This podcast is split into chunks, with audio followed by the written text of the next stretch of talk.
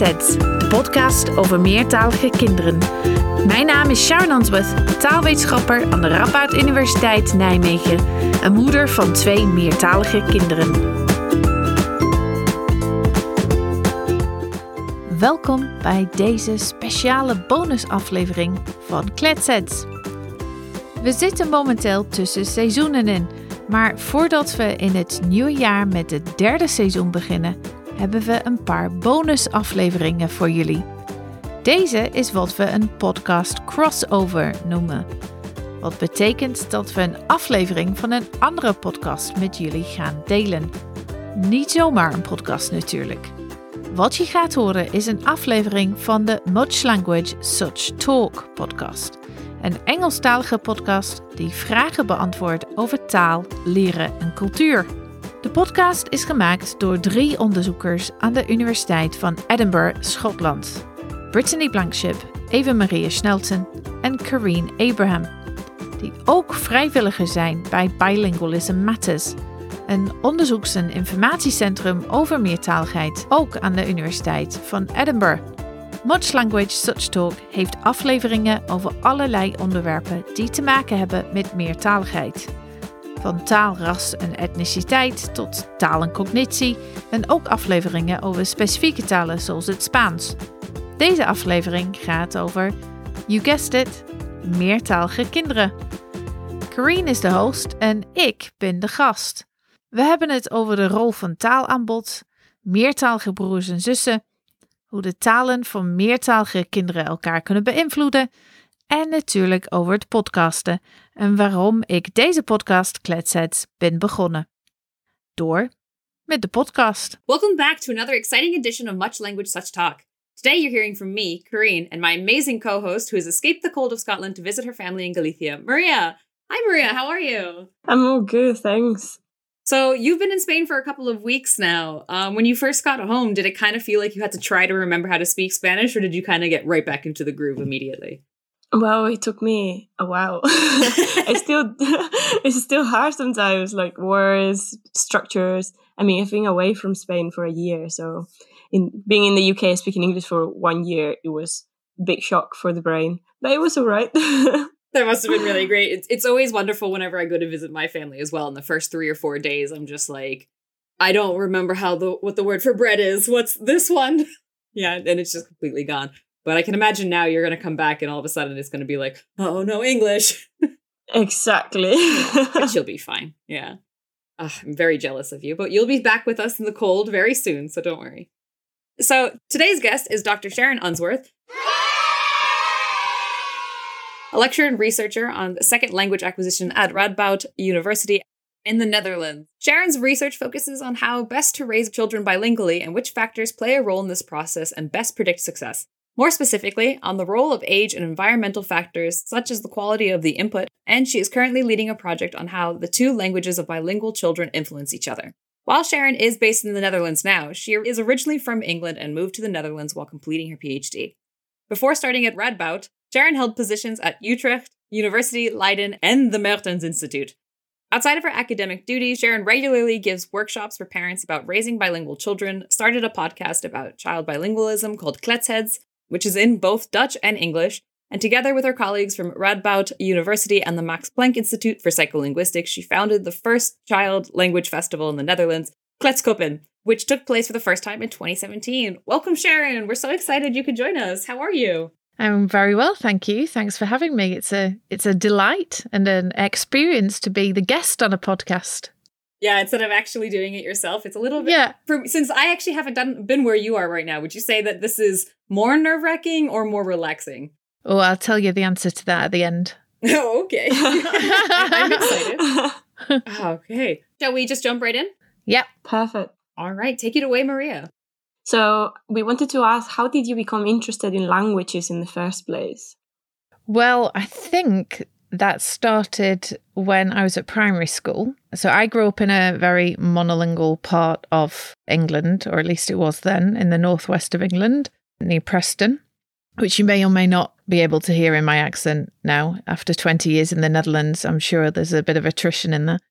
And I remember that our teacher, Mrs. Sykes, she was called, she came into class and she had a big suitcase and uh, she opened it up and started picking things out of it and talking and asking and describing them in French. Right. And I just re- have very vivid memory of her picking stuff out, going, Qu'est-ce que c'est? C'est un poupée.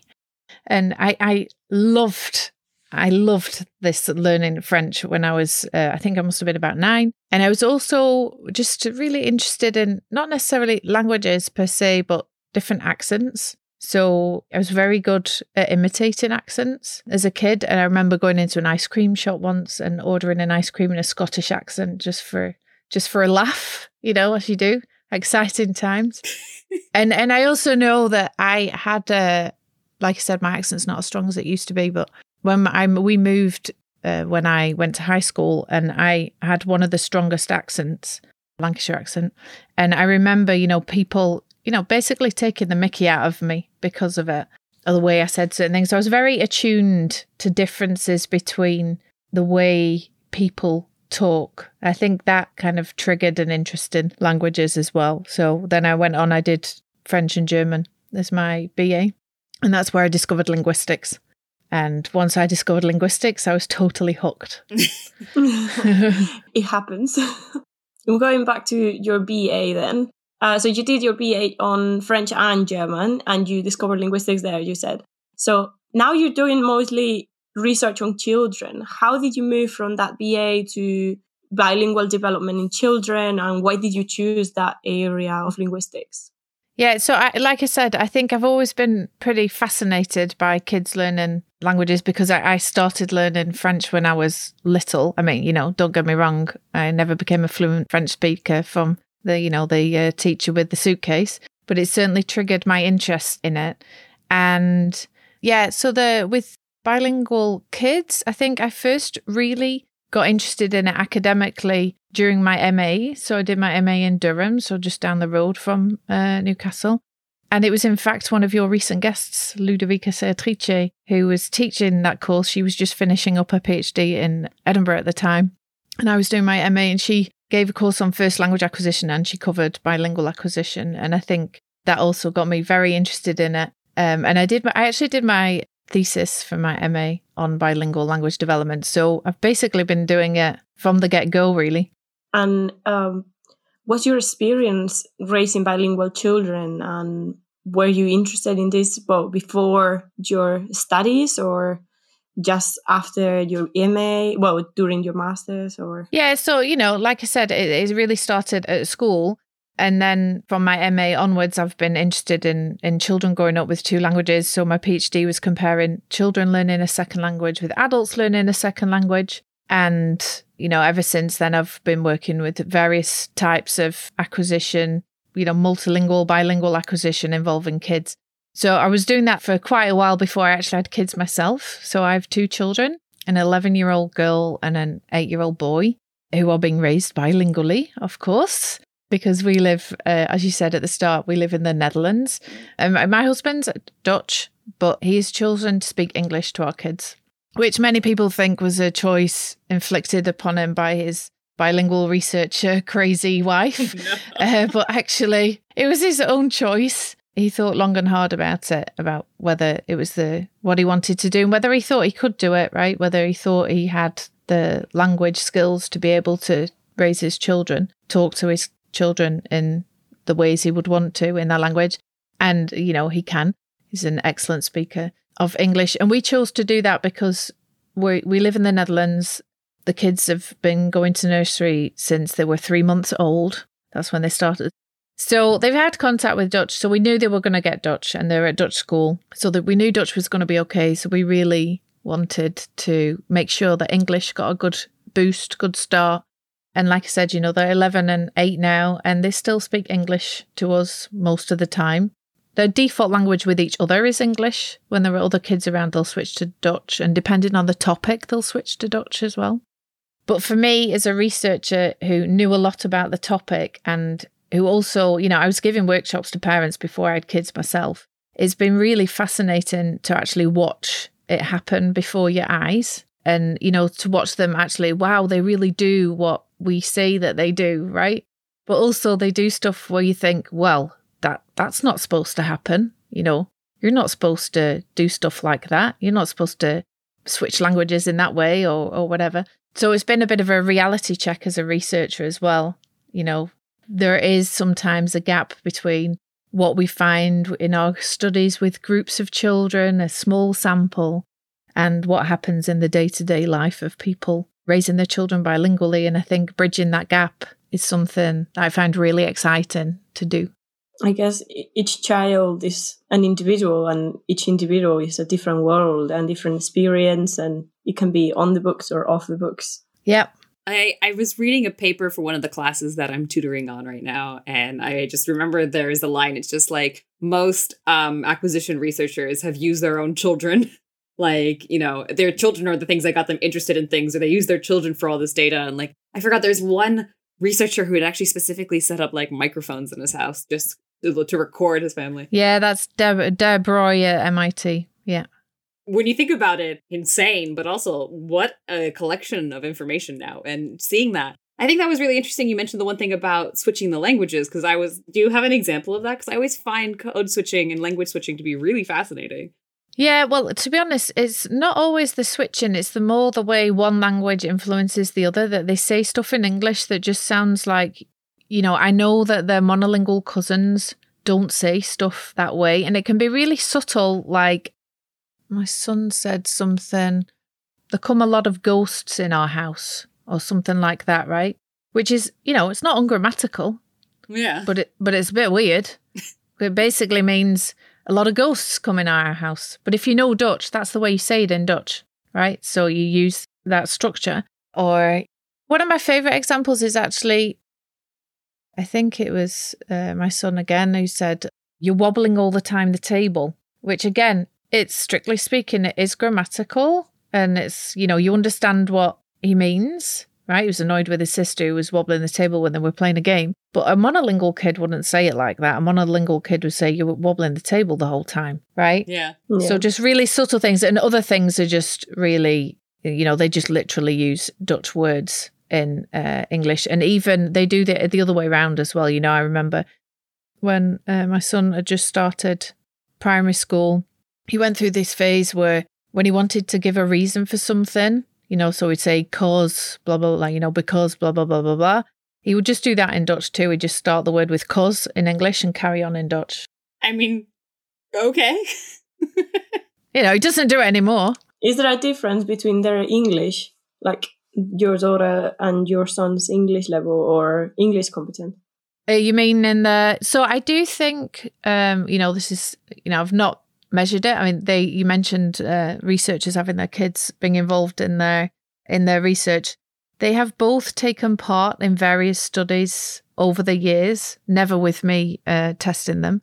But apart from that, you know, I, I don't really, I don't, I, occasionally write down examples where I think that would be good for for a lecture for to illustrate something, but I don't follow them in any great detail.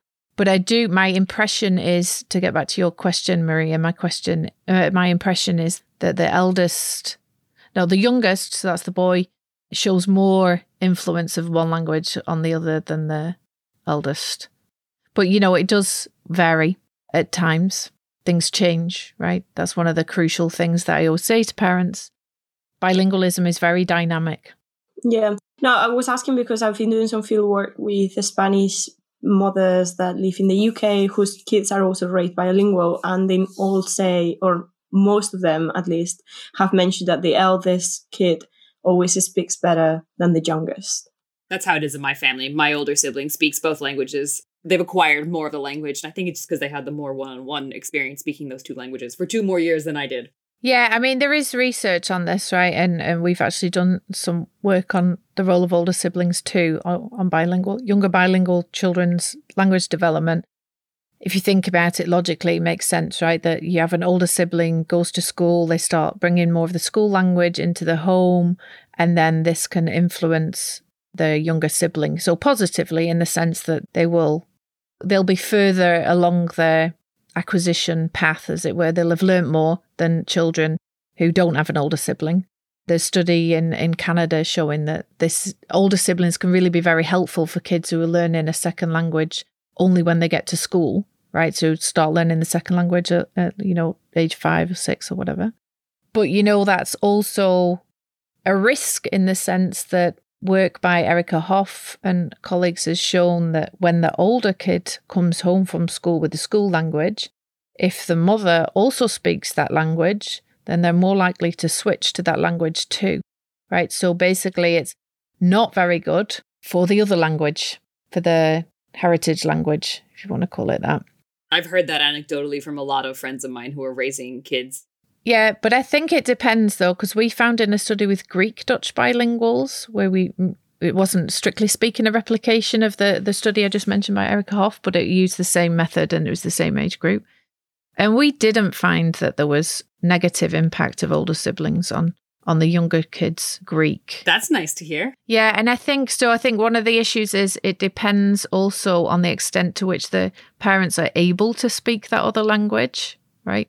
And you know, Greek Dutch bilingualism isn't a combination that you come across very often. A lot of the parents who speak Greek, some of them can speak Dutch, but a, a lot don't, or not enough to consider speaking it to their kids. And yeah, so I think there's a lot more to find out there but yeah, generally the impression the older kids are tend to be better. That's backed up by research. We've mentioned quite a lot of different things that happened during the acquisition of languages for kids. To you, what's the most fascinating things about children learning languages? Well, I think, you know, in the first instance, it's just the fact that they can do it, right? They're really small and like they know all this stuff already. And even if they can't express it or show it directly to you, I mean, researchers have come up with ingenious ways of finding out what, you know, even newborn uh, infants know. But the fact that so you know that holds for kids who are you know who I think are in the unfortunate situation where they're only learning one language, but it definitely holds for kids who are learning two languages. Right, that you see these two languages emerge in a child. It's just that's just amazing. And at the same time, you know, it's as I'm sure you've mentioned on the podcast before, and anybody knows who works on bilingualism knows being bilingual is not the same as being two monolinguals in one. And I think you do develop this, I don't know whether I want to call it knowledge, but you're different. You know, if you're bilingual, you're different from a monolingual. And one of the ways that in which you're different is that your two languages can influence each other. And that I find, you know, I just gave you a couple of examples of really subtle examples of the way in which languages can influence each other. But that's really interesting, right? Why does that happen? How does that happen? What does that tell us about what's going on in their heads? I think that's really so. I grew up in a trilingual household. So, of course, everything was all over the place, and none of the languages I speak are related to each other. Like, I grew up in the States, my mom's from Finland, my dad's from Israel. Those are all very different languages. And so, it's always like, for us at least, when we code switch, like, and we borrow words into English, it's always something about a cultural dominance mm-hmm. um, for the reasons why we would use that. But generally, uh, from what we know about kids, is that they're supposed to at least follow the dominance of like the grammatical structure of that sentence when they borrow words. Have you seen it that that's not necessarily the case, or yeah? So I haven't really done any work on switching, right? On code switching or code mixing. So what we've done is really look at finding that has been out there in the research literature for a long time namely that bilingual children do follow the developmental paths of monolingual children, right? They go through the same stages. They may or may not do that at the same rate. That may depend, for example, on the amount of input that they hear. But sometimes they may, so monolingual children will make, let's say, errors. Errors in the sense that it doesn't sound like what an adult should do. And that's part and parcel of acquiring the language. But then bilingual children may, for example, make those errors a bit longer because the error in that particular language is very similar to what you would do with the same structure in the, in the other language.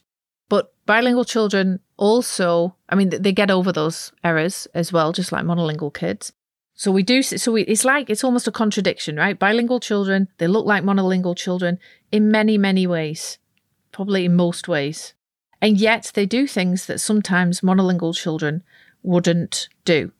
So, for example, if you take the combination of an adjective and a noun, right? So green apple, in Dutch, just as in uh, English, you can only say green apple. You can't say apple green, right? Whereas in languages such as uh, Spanish, French, you also have the other the other order. And we see, for example, that bilingual children who are learning English alongside French may use the English order, so green apple, when they shouldn't do, right? And we also see errors the other way around. As odd as it might seem, and we found this also in children learning French and Dutch, where in Dutch they say apple green, which is very odd, but they still say it. So under influence of uh, of their other language of, of French.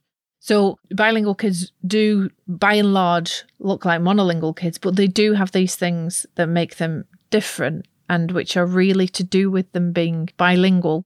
So what we've been looking at in a project we've been doing is looking at under what circumstances do children do this because they don't do it all the time, right?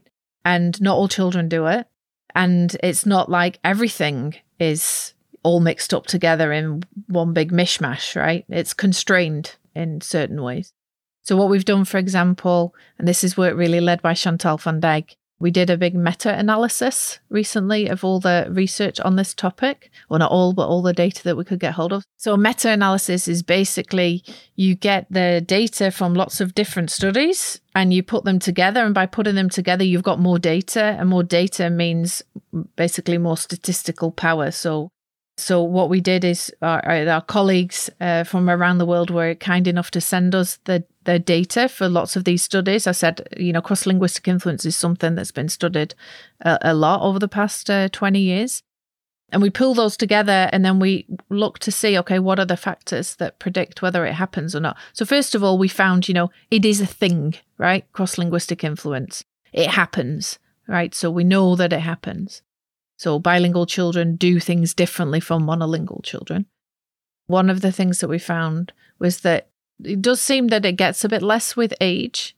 It is something that persists as children get older. So it's part and parcel of being bilingual, right? That you've got this influence from one language uh, onto the other. And another thing we found that dominance seems to play a role. Now that's a can of worms if ever there was one. Language dominance, what is it? Uh, but the way we looked at it, what we found basically was that that the dominant language was the one of the community in which the children were growing up. So if it was in the UK, then it would be English. If the children were growing up in the Netherlands, it would be Dutch. And what we found was there's more influence of that that community language on the other language. And I think probably most parents would think, okay, that makes sense.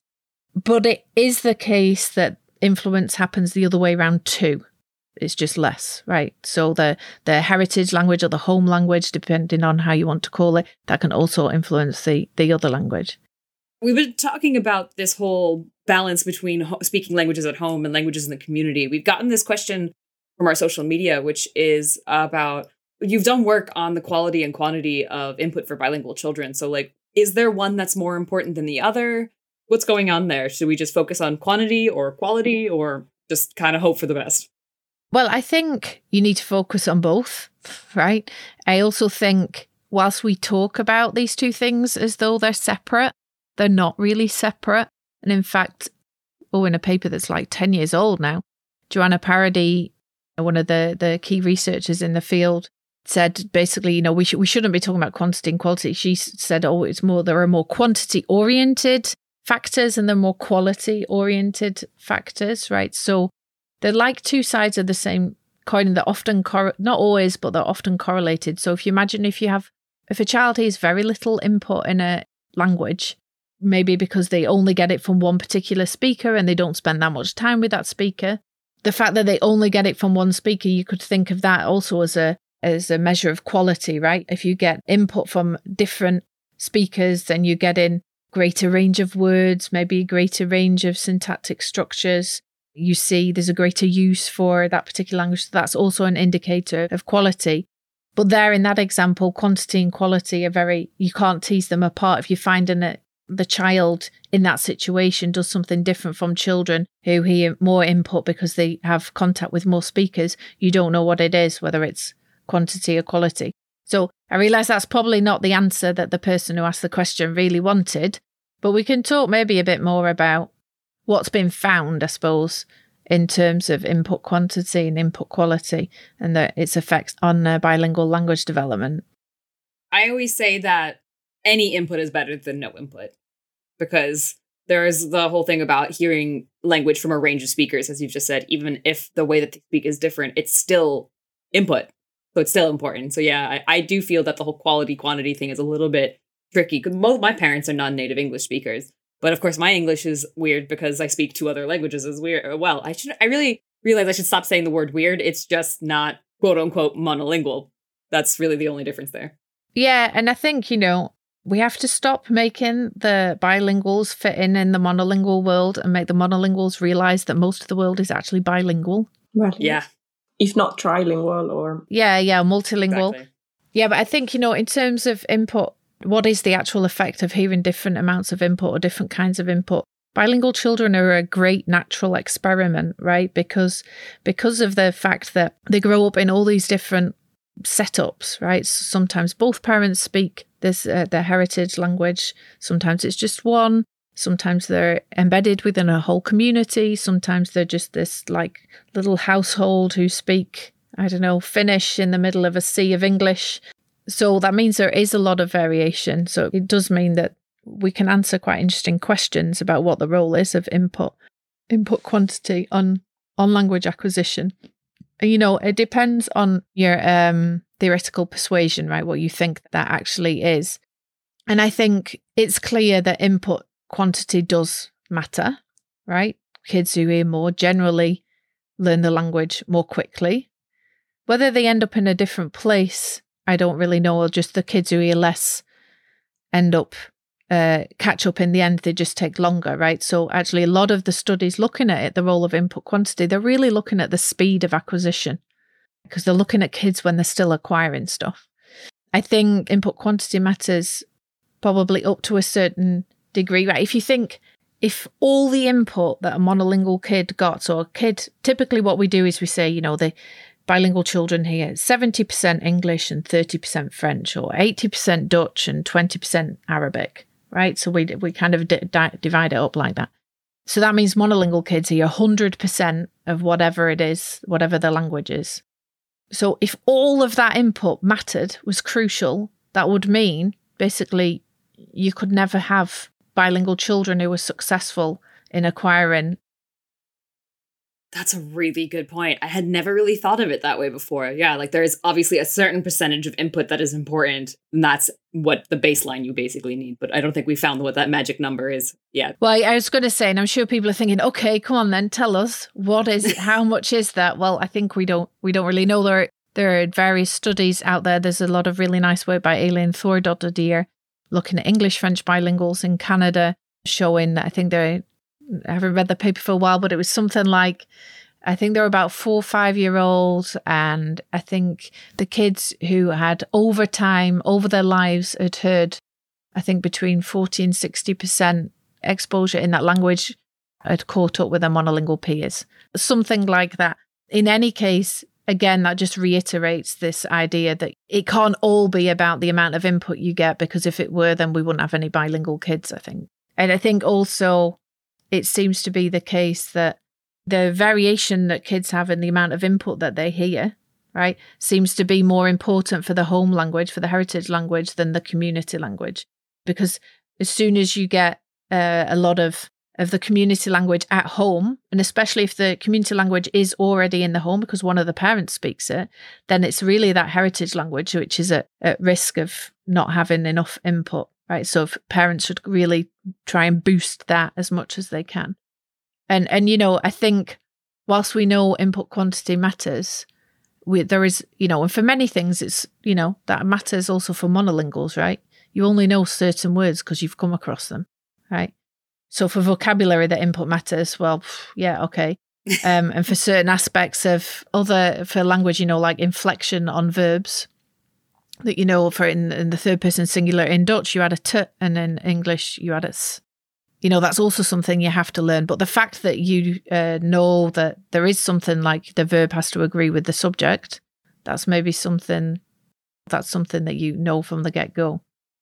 But there's a whole lot more research that needs to be done there. I think where we need to delve into more detail about what exactly we're looking at in terms of which specific aspects of language are being acquired and not influenced by input and which aren't and what does that tell us about how language is acquired I think the hardest thing that this research has is the fact that I feel like people need to remember that we are testing kids and we're not putting them in boxes and then just watching them for a couple of years at a time.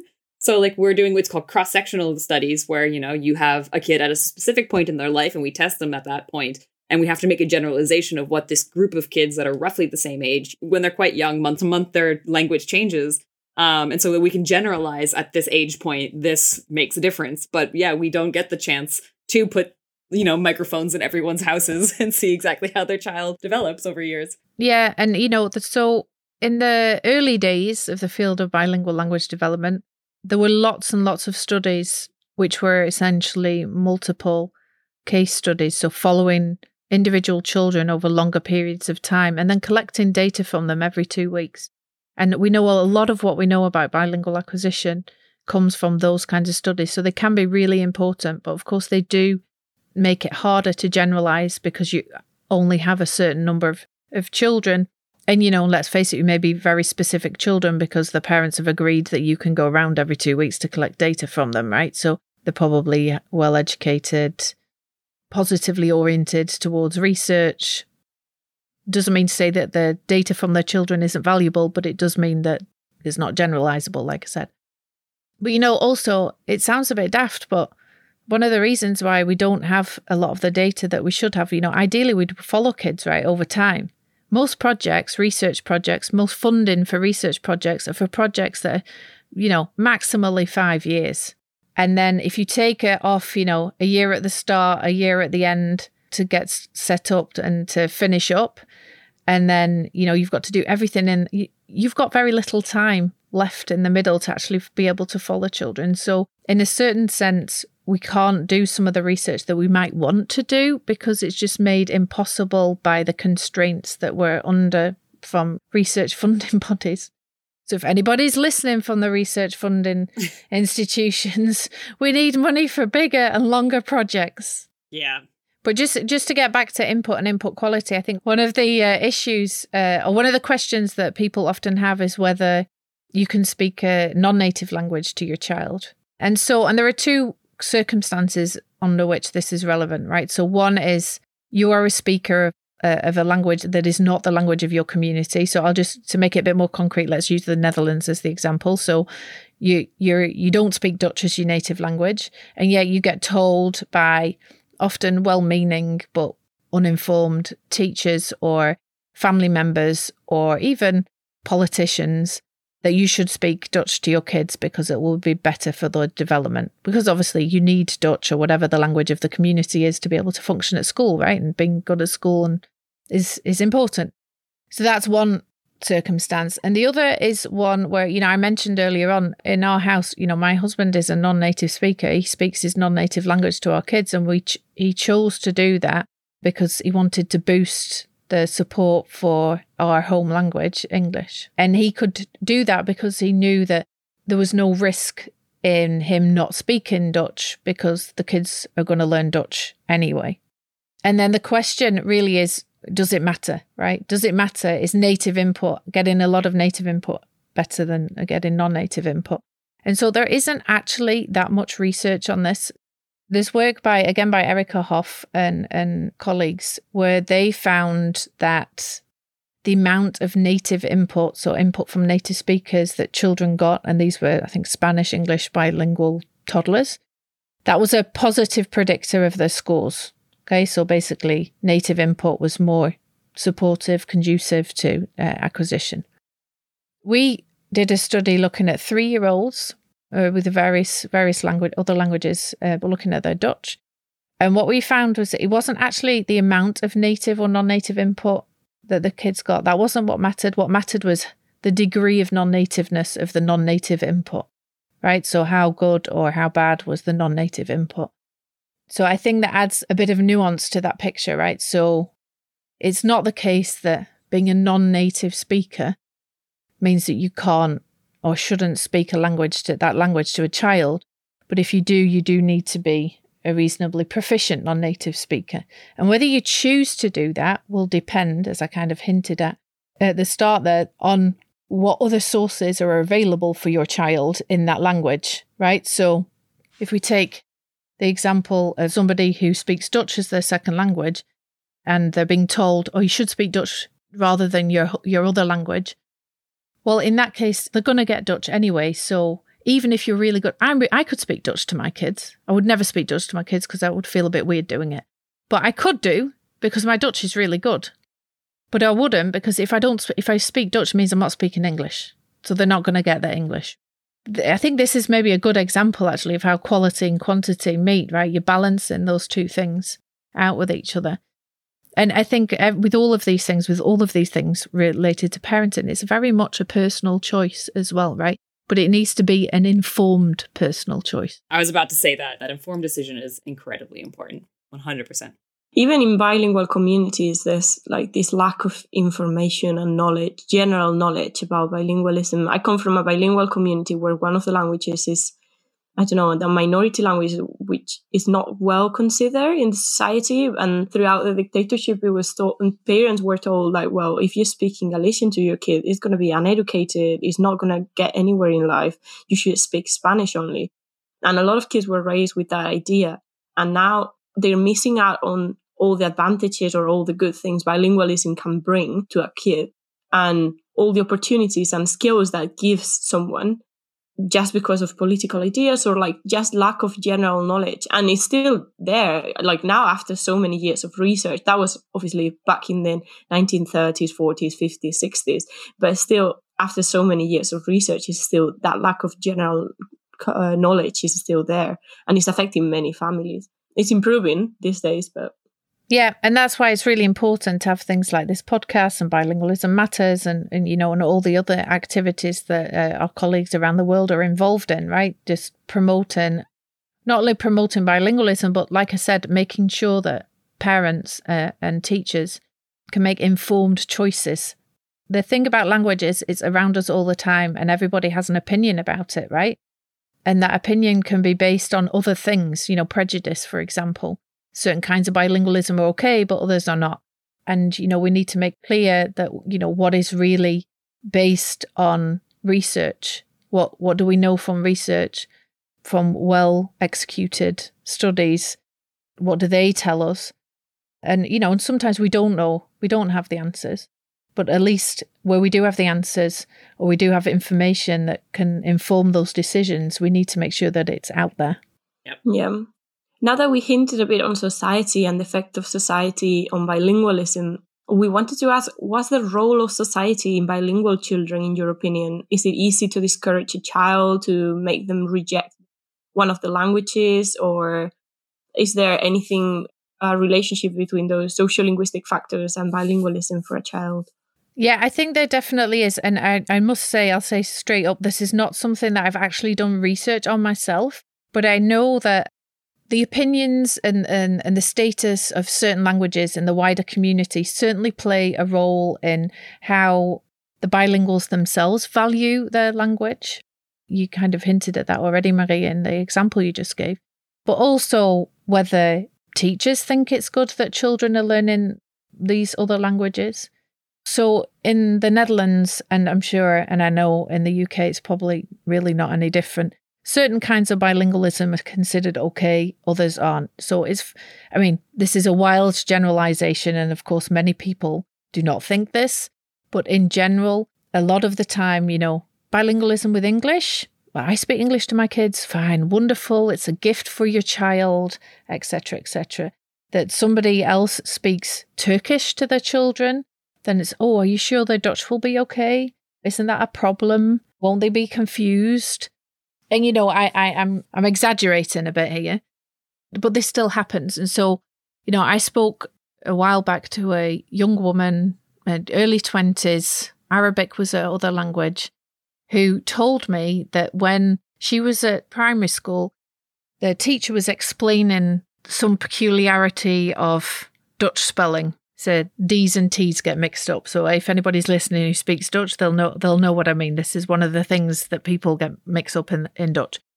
And the teacher had explained this to the class and said, you know, it's pretty complicated, and then pointed to the like this uh, this woman, then girl, and her friends, her multilingual friends, and said, you know, it's really complicated. Don't worry if you can't get it. Basically, like you're a multilingual. It's hard enough for you anyway. Don't worry if you can't get it. And, you know, and uh, this young girl grew up to be a very feisty woman and was very, I just was like, well, why are you telling me? I understand it better than some of the monolingual speakers, right? So why why are you talking to us like this? But you know, not everybody's like that. There are studies showing that, for example, teachers, some teachers really do not value certain forms of multilingualism, and that is reflected in the expectations that they have for children. And then the children realize there are low expectations for them, and then they fulfill those low expectations, and it becomes a vicious circle. That's self-fulfilling prophecy of just assuming that that's what's going to happen. Exactly exactly. And so in that sense to get back to your question maria yeah i think i really do think society has a large role to play and i've just illustrated it in a way that's not a very positive uh, way i think showing so if there are teachers listening you know showing that you value all forms of bilingualism right that you're interested and that you think that it's important and that that part of a child is not something that you just let them leave at the school gate, but you're interested in it as well, just like you would be interested in them if they were the fact that they love football or they're learning to play the saxophone. That whole the power of a language within the world. So like English, everyone's just like, well, English is super useful. You must learn English. So learning this very obscure language isn't beneficial to you. So it doesn't matter if your parents are there. It doesn't matter if there's that cultural link there. It's not going to help you in the long run. So don't even bother with that you can see that with the US as well about what languages we teach in schools. And so Scotland recently came up with their One Plus Two project where they're supposed to be taking languages from the communities and bringing them into the schools. But of course, we've had years and years and years, decades of training for specific European languages that now when you are looking to bring Urdu or Punjab into the, into classrooms, we don't have teachers trained in those languages. So how do we even start to do that? I would really like also to say, you know, what I just said about the role of the community and particularly about professionals in education wasn't particularly positive, but there are many positive projects and initiatives out there where people really are, who really do, they bring in the children's home languages, they ask the children about them, they let them use them in class so that they can look things up in that language to help them understand the content. They let children who speak the same language discuss uh, content with each other because it will help them understand it more readily. That's quite a big change to to start teaching like that. But you can even just start with having uh, welcome signs in different languages and not telling parents, which is sometimes what parents here get told, that you can only speak Dutch at school, letting them speak their own language to their kid because then they're going to feel more positive about being at school and you know maybe we'll be more likely to get involved at school, right? There are just small steps, just small indications, small signs that you can give to parents that they're welcome and their languages are welcome and promoting the positivity, the positive aspects of bilingualism. Which there are many. Yep. Yep. For those a bit worried about this topic, I was thinking, how many languages are too many for a child? Is there a limit? Is there none? There's a limit in the sense that there's only so many hours in the day, right? So, however many languages you have, your language pie, as I always like to call it, will get cut into small and um, more pieces. Some of those pieces will be just as big as kids who are learning two languages, but some inevitably will not be. And you know, like I said before, it's not all about input, but it is input and the, the opportunities to use a language. They're all key factors. So it's perfectly possible to grow up with three languages. So it's perfectly possible, and many, many children do around the world. The factors that affect bilingualism also affect trilingualism. And, you know, just like bilingualism, your proficiency, uh, a child's proficiency in each of those languages, the willingness to speak each of those languages may change over time. There's not actually that much research on trilingualism for a number of reasons, I think. There are kids who learn four or more, I spoke a while ago to a kid who knew six languages and she was only like seven or eight. That's amazing. Yeah, but you know, you're unlikely to be equally proficient in all of them. But of course, you don't need to be equally proficient in all of them. You need to be able to be as proficient as you need to be to do whatever it is you want to do in that language. And I think, at least in the early years, my understanding is that it should be you need to make sure that there's at least one language that is pretty well developed so that the kids can develop in other ways. Yeah, and still, it's well, it surprises me. I'm not sure why it surprises me, considering how much research we've done on this topic. Is that still people who speak three, four languages, they maybe they're not equally proficient in all of them, but they do have one stronger or two stronger languages. uh, and they still consider themselves monolingual. It's surprising. Well, to me, I could I would consider them fascinating, but they could consider themselves as simple as monolingual. Moving on to another topic, we want to ask for your advice. What advice would you give parents when raising bilingual children in general, or in the UK or elsewhere? Maybe I guess we thought of the UK because it's a pretty monolingual country, especially in situations where children might only speak one of the two languages. How would you encourage families to keep doing it? What advice would you give them? So I think this is the question that I always get whenever I give a talk. Basically, my kid will only speak the school language back to me. That's essentially the, the nub of it, right? And so I think the first thing is to say that's really frustrating. And it's fine to feel frustrated about it because it is really frustrating. My eldest daughter, who's always spoke English to me, is starting speaking more and more Dutch. Yeah, it's hard. It's hard to know how to deal with it. So I think the key is to stay positive I notice if I try and encourage my daughter to and say, "Oh, why are you saying it in Dutch? Can you not? You can say it in English. Why don't you say it in English?" If I do that too much, she gets annoyed with me, and then she's annoyed with me and being annoyed about talking English, and then there's this negative association, and that that that can never be good. I think it's a fine line sometimes between encouragement and nagging, but that's not only with what language you speak. I think as a parent, that's with many things. I think what's key really is to find those opportunities for input for the home language, the heritage language. So, look, for example, if you need a babysitter, try and find a babysitter who speaks that language. I mean, I realize in some places it will be easier than others. If you've got really young children and you you could meet up, there are parent child, parent toddler groups focused around different languages in various places. There are community language schools as well. So if you want your child to, you know, if they can read and write in a language, particularly read, then that also opens up a whole world to them as well. And try and get resources from family and friends in your country of origin that you can use, right? So if you've got family or friends who've got kids or kids the same age, ask them, you know, what are their kids doing? What do they like reading? What do they do? And see if they can share whatever videos it is or books or tips, whatever. We, for example, yeah, I know I'm in a very privileged position because English is our home language. Get this uh, weekly newspaper for kids, the Week Junior. We get that sent over, and the kids already get one in Dutch. It doesn't have to be a newspaper, but like if you're in the situation where you can afford to do that, and and appreciate not everybody is, but if you are, or you or you, you know something that somebody used and they send it to you, right? A subscription to some kind of magazine or some kids thing, you know, is really going to, it's exciting. It comes through the post. I mean, how much comes through the post these days? Hardly anything. So something like that, something that's fun.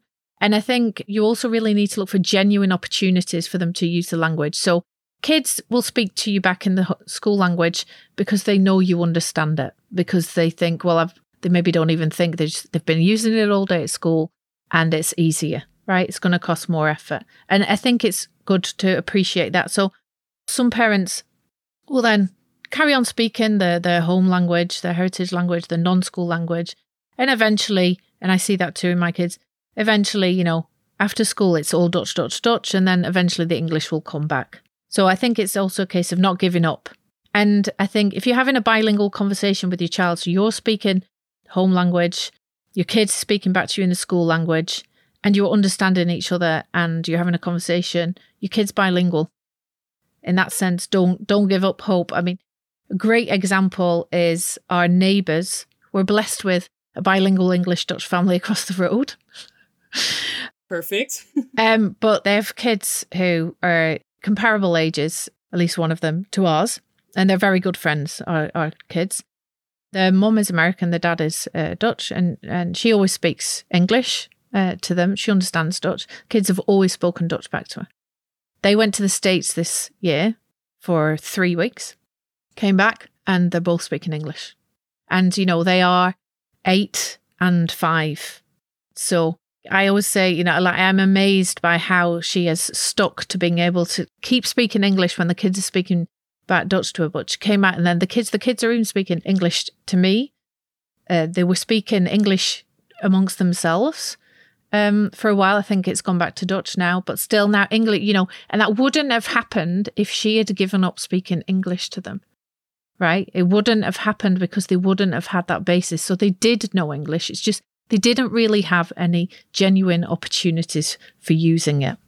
That's it's so heartwarming to hear that that experience was, you know, she persevered and, you know, they've gotten to this point that they're using it now. That must be just so nice for her to see that. I, I can I'm just thinking now of my own mother and I'm like, oh no, I put her through this for so long. Going back to the field work, field work I've been doing, a lot of mo- mothers mentioned that the visits to the home country used to help a lot with their bilingual development. And because of COVID and not being able to travel with young kids or being able but being hard and not doing it and so on, a lot of their kids have stuck to English. And even though the mothers stuck to Spanish in this case, they're struggling with their kids developing their Spanish or they're seeing a difference between now that they haven't been going back and forth between Spain and the UK as much and beforehand when they used to do that and that that makes a big change. And what as what you were saying with your neighbor that makes a big difference going back to home country and for the language development. Yeah it definitely does you know parents report that as well you know going to school holidays it's, it's the last day of the school holidays uh, their visit to the uh, back to where, whatever country it is and then all of a sudden the kids start speaking that language and they're just like oh my god i didn't realize they could they could do it yeah so i think that's you know a perfect illustration how it's important, frustrating as it can be, not to give up. Yeah. You had mentioned, try and find opportunities. And I think these days, something that's really easy for parents is to have their kids watch TV shows or use tablets and play games and things like that.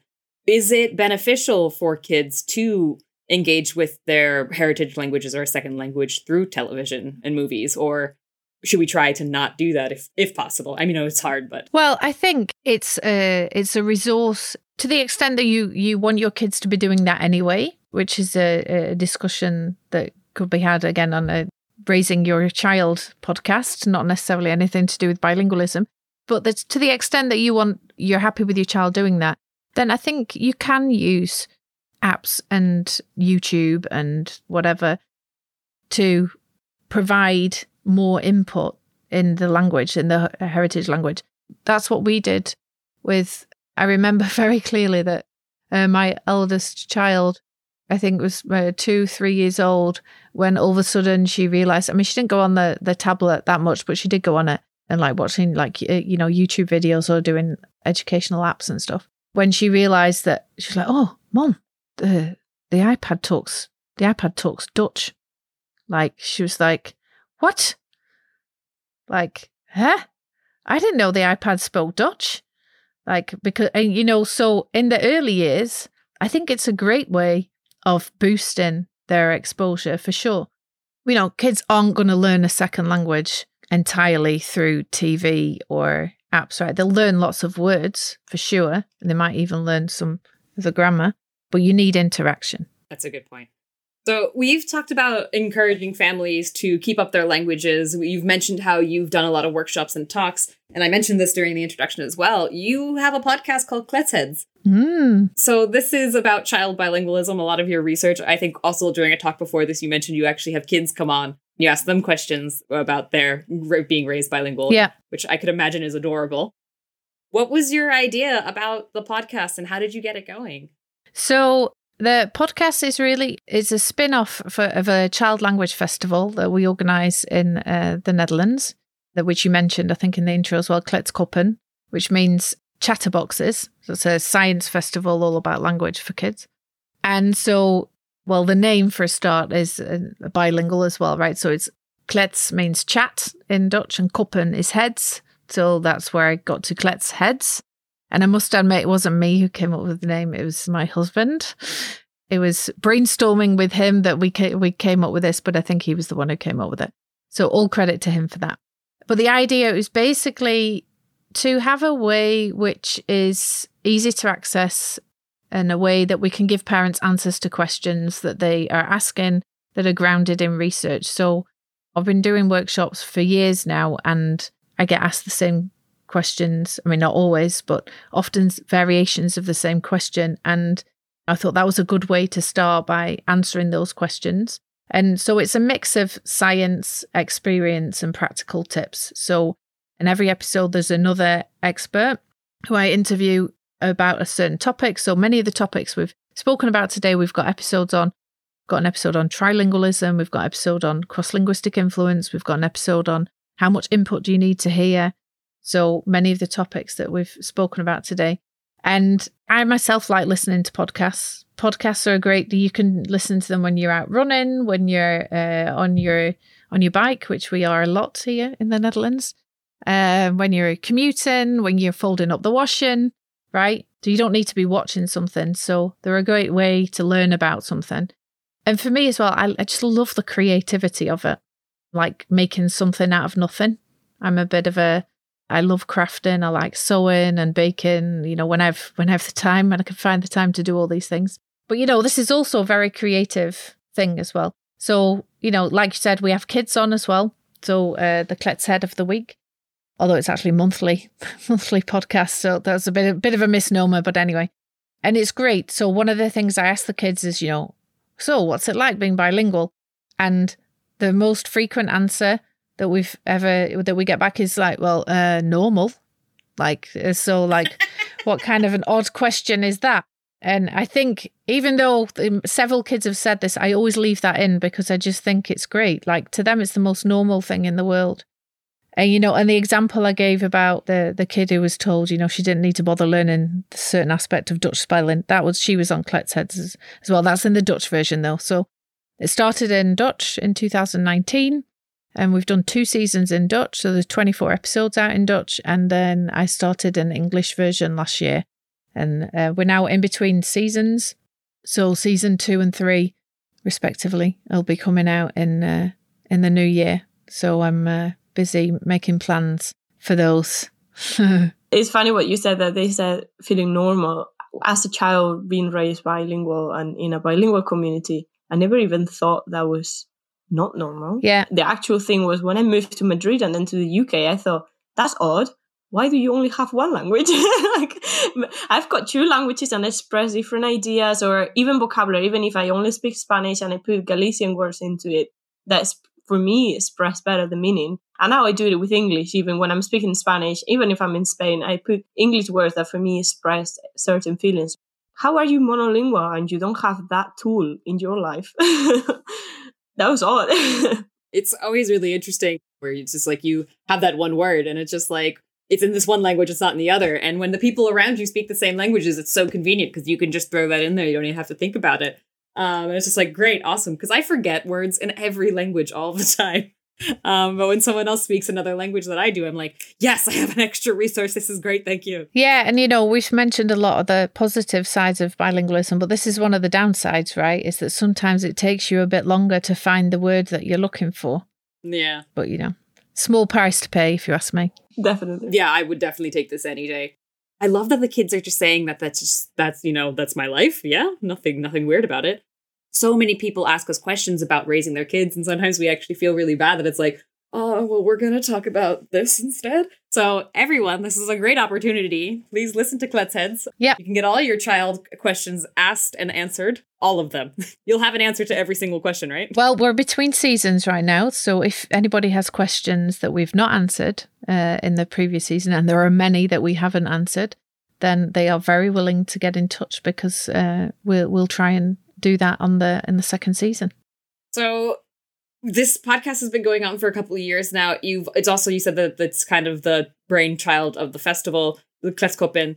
You're working on several other projects as well. Would you like to tell us about what you're working on and what's coming up next? Well, so right now with Kletskoppen, we're working on the next festival, which will be in, in March. And we uh, recently got funding from the Dutch Research Agenda to expand and go to different parts of the Netherlands and so we're now doing that. And we're not only just with a festival, but for example, going into classes, yeah, into schools and giving classes about language and language science. So one of the things that we're, this isn't only about multilingualism by any means, but we really want to show to children that you can do science and be a scientist with language that you don't have to be using test tubes, setting things on fire, or, you know, doing all the wonderful things that you can do uh, with children if you want to, if you do that kind of science. So that's that's some a project that we're working on. I wish I was back in primary school now. Like this sounds like so much fun. Yeah, it's really it's it's really fun, and it's really nice to collaborate. You know, with uh, with teachers to collaborate with the uh, li- We work a lot with the library. The festival is in our local library, so that's one thing. We also have like animations about bilingualism. They're out in English already, and they're coming out uh, very soon in Turkish, Arabic, and Polish. That's a great range. Wow. And then, yeah, I'm also research wise, we're actually going to look at trilinguals. We're trying to set up a study now, looking looking at what predicts whether children become active trilinguals.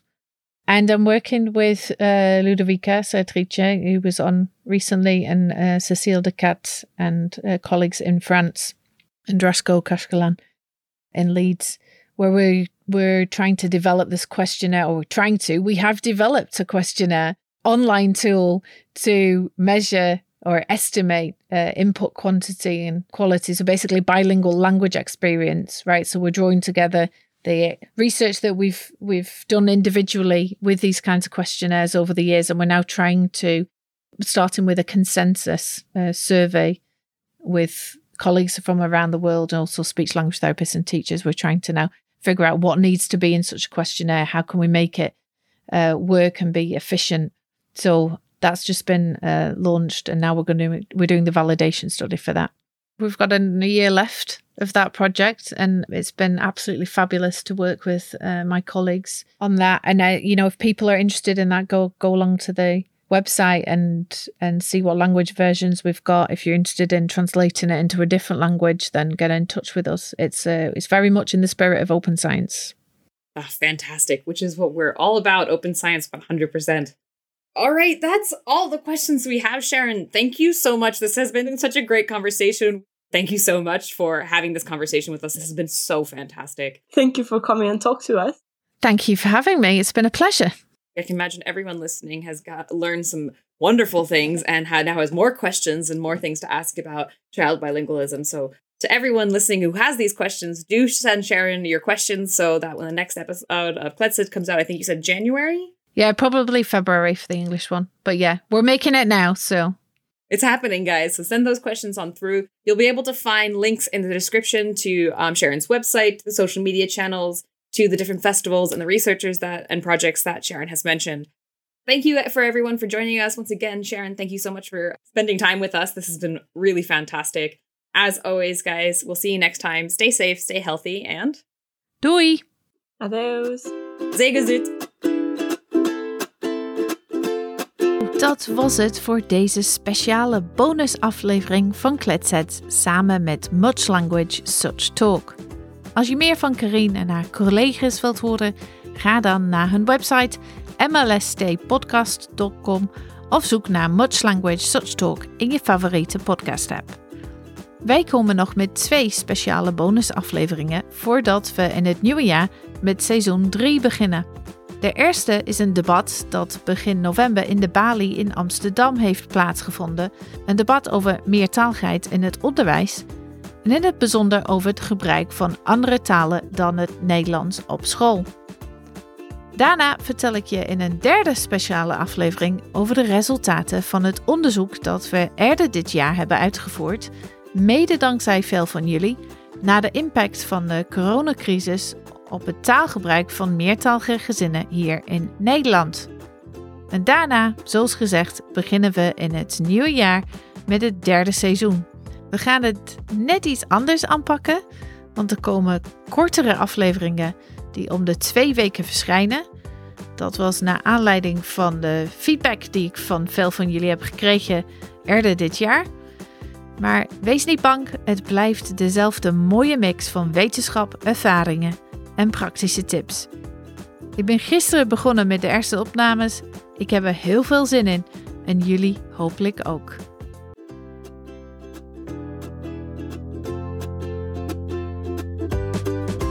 Wil je meer weten over Kletsets? Ga dan naar www.kletsetspodcast.nl.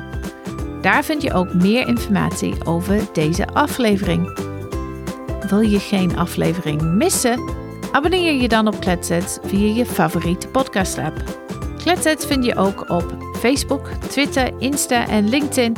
Onze naam KletsetsNL. Ken je iemand die de podcast misschien leuk vindt en die hem nog niet kent? Dan zou ik het heel fijn vinden als je hem zou delen. Bedankt voor het luisteren en graag tot de volgende keer.